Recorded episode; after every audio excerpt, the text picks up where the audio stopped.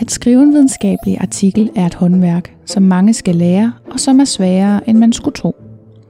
Det er ikke i sig selv en videnskab, og derfor er det svært at finde god litteratur om, hvordan man skal gøre. Så her er en helt uvidenskabelig podcast om videnskabens primære redskab, artiklen. Jeg hedder Annika Stine. Jeg er uddannet forsker og arbejder som epidemiolog inden for kvalitet i sundhedssektoren og som postdoc ved Forskningsenheden for Almen Praksis ved Syddansk Universitet. Med mig i studiet er Pia. Hun er postdoc ved Radiologisk Afdeling på Odense Universitetshospital, og Nina, som er medicinstuderende og i gang med sit speciale for Radiologisk Afdeling, også på UH. Velkommen til en podcast, hvor det sjoveste er intromelodien. Velkommen i Nørdeland.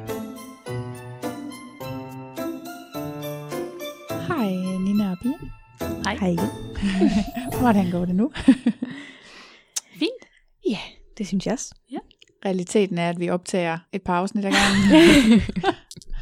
fordi vi ligesom vil lave en accelereret proces. Og det er også meningen med de her podcasts, at i virkeligheden du, Nina, har masser af arbejde ind imellem vores optagedage, øh, men klumperne er ligesom sat sammen sådan, at, at øh, der også skal være noget at lave. Og sidste gang, der talte vi jo egentlig bare om, hvordan man kommer i gang. Og det er jo ikke sådan, det er jo ikke, noget, det er jo ikke en opgave, du kan gå hjem og starte på, kan man sige. Nej, ikke rigtigt. Det er i hvert fald meget ukonkret. Mm. Så der håber jeg, at uh, din vejleder normalt er bedre til at give dig nogle ordentlige opgaver. du sagde forresten i afsnit 1, at I arbejder med bløde deadlines. Hvad betyder det egentlig? Øhm, jamen, det var egentlig øh, min anden vejleder, øh, Amanda, som foreslog, at, at øh, for, for at jeg kom i gang, at, at vi kunne lave nogle sådan, på en måde lidt fiktive deadlines for de forskellige afsnit, Mm. mm. øh, som jeg er gået i gang med baggrund og metode. Øhm, og det fungerer rigtig godt for Mm. mm. mig. Mm. Mm. Øh, jeg kan godt have lidt svært ved at komme i gang, hvis jeg har alt for god tid til, at, øh, til at lave noget, så kunne man jo altid lige lave det lidt senere. Mm. Øhm, så det var ikke fordi, at, at der var noget, der skulle være helt færdigt, Mm. eller det skulle bruges til noget bestemt på det bestemte tidspunkt. Det var mere for, at- at, at der ligesom var en anden, der vidste, at jeg nok skulle have skrevet noget til den tid, Ja. hvilket får mig til rent faktisk at gøre det. Ja, øhm, Det er også en rigtig god idé. I Mm. det hele taget at bide opgaven op. Og tit så er det sådan, jeg vil også sige med kandidatspecialer, I har ikke så lang tid til at skrive dem, vel? Hvor lang tid har du haft? øhm, et semester Ja, så det er seks måneder, bortset fra, at der også er lidt ferie. Og så er noget lidt halløj. undervisning. Du havde undervisning Ja. de første Tre uger. tre uger, Ja. Okay. ja, og så er der klinik også, som er seks uger. Mm. Så det er faktisk ikke så, så meget. Nej, det er faktisk ikke, det er ikke hele semesteret. Nej, det er faktisk meget kort tid, kan man sige, til at skulle skrive en artikel. Så øhm, Og specielt, når man ikke har prøvet det før. ja, Ja. Altså. helt sikkert. Så, så man kan sige, hvis du starter med at sige fra afleveringsdatoen, og så laver en tidsplan, der går baglæns, det er sådan en almindelig projektledelsestrik, Ja. mm. og så øh, ligesom laver nogle deadlines for at skrive det i små bidder. Det er selvfølgelig, det er en god idé til at komme i gang. Jeg siger også til mig selv, når jeg skal støvsuge derhjemme, at hvis du nu bare starter med soveværelset, mm. Mm. som er det mindste rum, så ser vi, om du har lyst til mere. Fordi det sværeste, det er altså at få taget støvsugeren frem. Men øh, en, go- en god måde også, øh, en, en opgave, man kan gå i gang med tidligt, og som jeg vil anbefale, man faktisk gør som noget af det allerførste, det er at vælge tidsskrift. Har du gjort det, Nina? Øhm, vi har lige snakket om det i dag, Ja. øhm, og sådan, det korte svar er, er nej. Nej. At, at det har øh, vi ikke sådan besluttet. Øhm, det er jo sådan, at min, min kandidatspeciale skal afleveres specifikt til uni, og så mm. bagefter arbejder vi mere på det, så det kan udgives som en artikel. Ja. Øhm, og det tidsskrift, som jeg så går ud fra, ud i forhold til den opgave, jeg afleverer til universitetet, Mm. der har vi besluttet noget. Ja. Øhm, bare sådan for, at jeg har en guideline. Ja. Øhm, men i forhold til den øh, helt færdige artikel, der har vi ikke besluttet noget Nej. endnu. Mm. Og det lød lidt som om, at det var proceduren, at man venter med det. Det er også, øh, det er også igen, så er det lidt til diskussion, hvor tidligt man egentlig skal beslutte det. Min anbefaling er, at man øh, tidligt lægger sig fast på noget. Altså nu er vi i afsnit 2, vi er ikke engang, vi har ikke skrevet det eneste ord endnu. og jeg vil anbefale, at vi gør det nu. Mm. Fordi når man vælger tidsskrift, så får man samtidig nogle retningslinjer. Det er noget med, hvor mange ord artiklen må være. Det er noget med, hvor mange tabeller og figurer der må være. Det er noget med, hvordan referencerne skal stå. Og det er noget med, hvad for nogle overskrifter der må være. Og selvom vi i den her podcast-serie kommer til at følge IMRAD-metoden, altså introduktion, metode, resultat og diskussion, det gør en hver artikel. Altså i hvert fald i det kvantitative arbejde. Ja.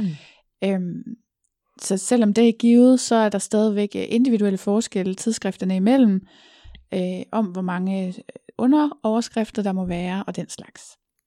Og der er ikke noget værre, end at skulle have siddet og skrevet en artikel på 3.000 ord, og så lige pludselig skal man skære 500 af, Nej. fordi Mm. at, øh, så var retningslinjen lige, at der må være 2500 ord i stedet for. Ja, Det tager bare nærmest endnu længere tid, end det gør at skrive artiklen i første omgang. det er det. Det er sindssygt svært at få skåret ned. Og da jeg startede med at skrive min første artikel, der måtte, det var i 12 eller sådan noget, ikke? Der måtte der, sådan en klassisk artikel, den måtte være 4.000 ord. Ja. Det må de ikke mere. Nej. Nu må de være sådan noget 1500. Ja. Nogle steder, ej det er meget forskelligt, og det kommer også an på, hvilken type artikel det er. Mm. Men de må være ganske, ganske korte, så igen er vi tilbage ved, at det er faktisk en kompetence at skrive den slags her. Øhm. Men jeg vil anbefale, at man vælger sine tidsskrifter tidligt, og ellers så nærmest går efter laveste fællesnævner. Altså, det er lige før at gå efter at skrive kun 1500 ord, fordi du må altid aflevere mindre. Men hvis der er mere, altså nogle af dem, de har endda sådan nogle øh, submission-formularer, som begrænser mængden. Altså du slet ikke kan aflevere for meget. Ja. øhm, og når man så skal vælge et tidsskrift, så vil jeg altid starte med at spørge mine medforfattere. Jeg er jo sådan en folkesundhedsdame, så jeg kan ikke en skid selv. jeg har afleveret artikler inden for mange forskellige kliniske specialer. Ørnæse halslægerne har jeg skrevet noget med, og tarm, mave-tarmkræft og forskellige andre. Og øhm, derfor så er det altid dem, jeg skriver sammen med, der kender, øh, øh, hvad kan man sige, området, og kender de øh, tidsskrifter, der er. Mm. Så jeg spørger altid mine medforfattere. Det næste, jeg gør, det er at kigge i min egen referenceliste, hvis jeg er kommet til at skrive lidt først. Ej, man har jo typisk læst noget, før man Mm. går i gang med rigtigt at skrive, ikke? Så man har ligesom øh, en mængde litteratur, man ved, der vil være relevant. Hvis nu, at 7 ud af 30 artikler, de kommer fra det samme tidsskrift, så kunne man godt tænke sig, at det måske var der, i den retning, man skulle kigge. Mm. En anden mulighed, det er at gå til en professor i afdelingen. Næsten alle afdelinger har en professor. Så, øh, så spørg dem, hvad der er relevante. Så er der også den mulighed, at man kigger på nogle forskellige lister. SDU har nogle lister over tidsskrifter, hvor open access er jo blevet vældig populært. Ja. Af mange gode grunde. Mm. Og der kan man få det øh, betalt fra forskellige puljer, hvis man øh, holder sig inden for en liste. Jeg ved ikke, om SDU stadigvæk har den mulighed, men de har i hvert fald haft det sådan, at, øh, at de betalte det der gebyr for at få udgivet ved Open Access, hvis det var, at øh, tidsskriftet var på sådan en bestemt liste. Og nu er der jo lige blevet øh, en underskrevet en aftale med, er det Elsevier eller sådan noget, der har okay. At PhD-studerende kan få lov til at publicere gratis i dem. Nå, fedt. Mm. Danmark har været inde og forhandle om det. Kanon, mand. Ja. Fedt nok. Så skal man jo bare gå efter dem. Ja. Ej, altså, og en anden model, jeg faktisk har været med til, det er, at øh, jeg har engang prøvet, at vi skulle aflevere, det var øh, om øh, cancer. Og så gik vi bare efter den højst rangerende, altså det var cancer i halsen. Og så gik vi bare efter den højst rangerende et eller andet. Øhm, og så sagde, så sagde tidsskriftet, da de øh, læste artiklen, så var de sådan, ja, den er godt nok fin. Den passer ikke helt ind i vores, men vi sender den lige til vores dattertidsskrift. Okay. Og så tog dattertidsskriftet den uden review. Det har jeg aldrig prøvet, hverken før eller siden. Men den var også god. jeg har Sådan. også prøvet øh, en gang, at vi sendte det til et... Øh, igen, vi gik efter den med højest impact factor. Mhm. Og så sagde de, vi sender til vores dattertidsskrift, øh, men hvor vi så tager os af betalingen for det her open access gebyr. okay. Bum. Ja. Så stadigvæk skulle vi igennem review og sådan noget, men vi slap faktisk for at betale det her gebyr. Og så kan man kigge på Web of Science. Ja. Det er også det er sådan en database over øhm, altså bibliometri, bibliometriske øh, egenskaber ved litteraturen. Så, så der kan man ligesom holde øje med øh, både impact factor på de der tidsskrifter, men også inden for hvert øh, speciale kan man faktisk slå op, hvilke tidsskrifter er der. Mm. Så det er også et godt sted at kigge. Så. Sådan kommer man altså frem til, hvilken tidsskrift man skal vælge. Og så er det jo det, at hvis man skulle øh, komme ud for det, at man skal skifte undervejs, så gør man bare det. Ja. Altså, jeg synes, det er bedre at have nogle retningslinjer, end at man bare kan skrive ud i de blå toger. Mm. Fordi, som du sagde, Pia, før, det er mega, mega svært at skære ned. Ja. Men Pia, du har også prøvet at udgive før. Ja, Hvordan har, hvordan har du prøvet at I valgt tidsskrift? Øh, helt klart også med forfatter. Der var jeg phd studerende og der lagde jeg mig benhårdt op af, hvad min vejleder sagde, og så nikkede jeg og sagde, det lyder som en rigtig god idé. Ja. Øhm, så er jeg faktisk begyndt at gøre det, at når jeg sender artiklerne til genlæsning, når, sådan, når vi er ligesom hen i processen og har skrevet, Mm. øhm, så siger jeg, okay, vi gik efter det her tidsskrift primært, men kan I foreslå en plan B og C og D? Ja. Sådan at hvis nu at vi får en rejection, fordi det sker jo, at man får en rejection, Det er set. øh, så kan man hurtigt få den videre til den næste. Ja, altså så skal man ikke smart. først der begynde at skrive rundt til alle medforfatterne, Nej. fordi alle ved, at øh, professorer har mega travlt, og så sender man en mail, og så svarer de ikke, fordi de har tusind andre vigtige ting. Ja. Øhm, så, så jeg lægger altid en plan A, inden vi begynder at skrive, og så undervejs en plan B og C, afhængig af, hvor nogle gange, som du siger, så, øh, så stiler man måske lidt højere, end man tænker øh, Ja. er realistisk, men Ja. man tænker, ej, den skal lige prøve. Ja. Og så kommer der en rejection, og så går man bare videre til plan B. Genialt. Mm? Det var et godt tip. Der er faktisk, jeg kommer lige i tanke om, at jeg har også prøvet øh, et andet scenarie, som var, da jeg skrev inden for telemedicin, som jeg har arbejdet med, der var der nærmest kun to tidsskrifter. Ja. Så så var det bare at prøve en af dem. så kunne man ikke sådan gå efter højeste impact factor eller noget, fordi det var i hvert fald meget lavt. Jeg er sikker på, at der også inden for det er kommet mange flere artikler Mm. eller tidsskrifter. Faktisk så har jeg kigget lidt på, øh, jeg synes jo, når man selv siger til andre, at de skal,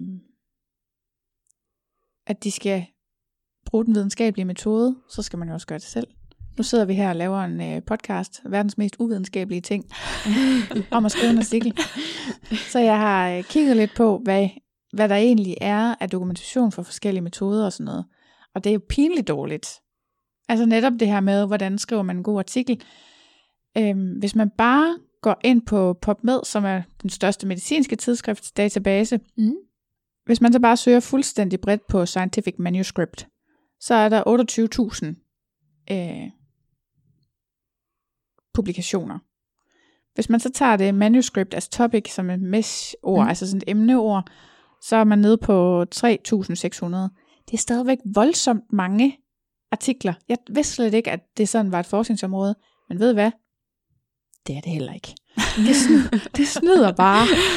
Lige så snart man får øh, indsnævret søgningen, Mm. det viser sig, at rigtig mange, i rigtig mange manuskripter, så står der også et eller andet med manuskript i deres emneord. Ja. Øhm, eller i teksten, fordi så er det sådan noget manuscript submitted for peer review, eller sådan et eller andet.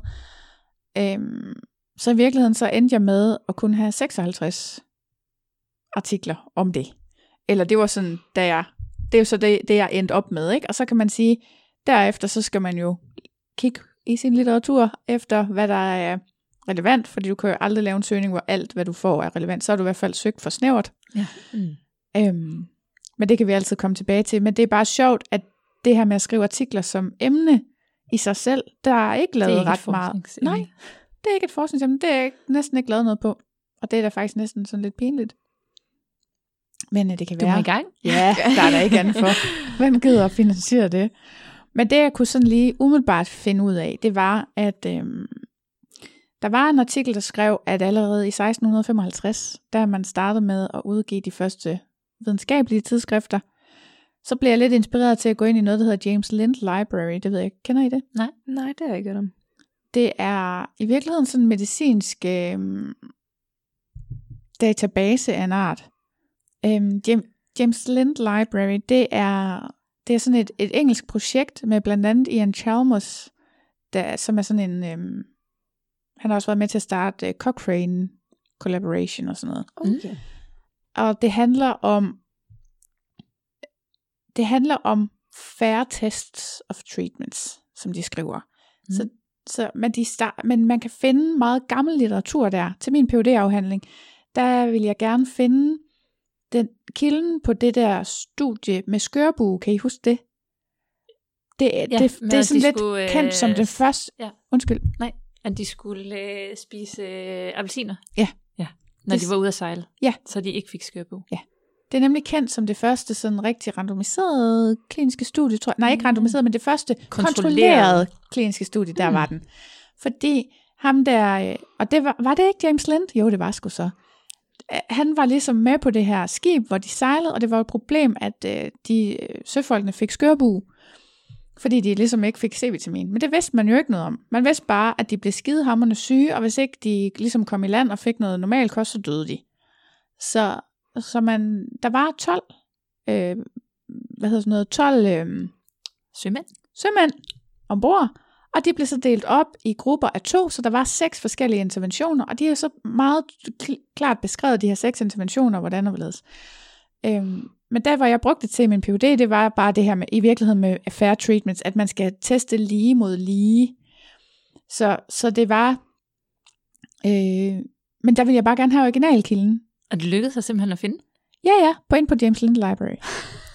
øh, fordi det Man ved tror jeg lidt, godt. det er sådan en røvehistorie, ikke? Ja, men I ved godt, man skal jo gå tilbage og tilbage og tilbage. Ja, Ja. Jeg ved ikke, hvornår præcis den er far faktisk, det kan jeg ikke huske.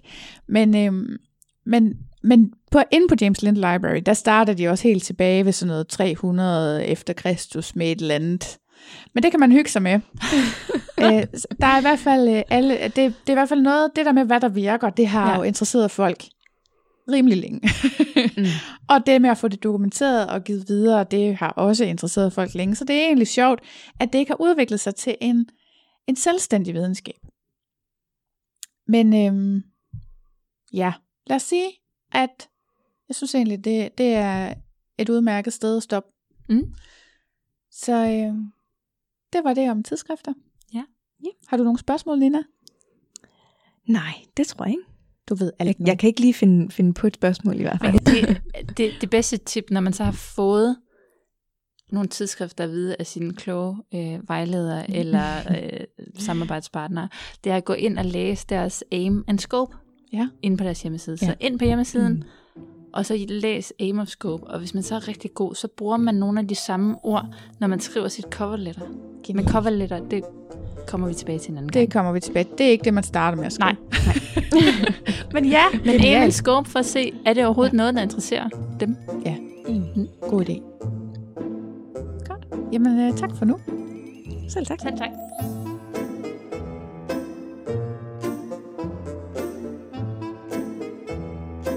Jeg håber, du har nydt denne lille bid af artikelskrivningens kage. Hvis du vil bidrage til podcasten, se hvad der sker bag om mikrofonerne, eller deltage i et fællesskab for nørder om artikelskrivningens fine kunst, kan du følge med på Instagram på profilen publipro.dk. Jeg har også en hjemmeside, den hedder også publipro.dk, og ellers kan du finde mig på LinkedIn eller andre sociale medier under Anne-Kristine Dyrvig. Tak for nu. Vi ses i Nørdeland.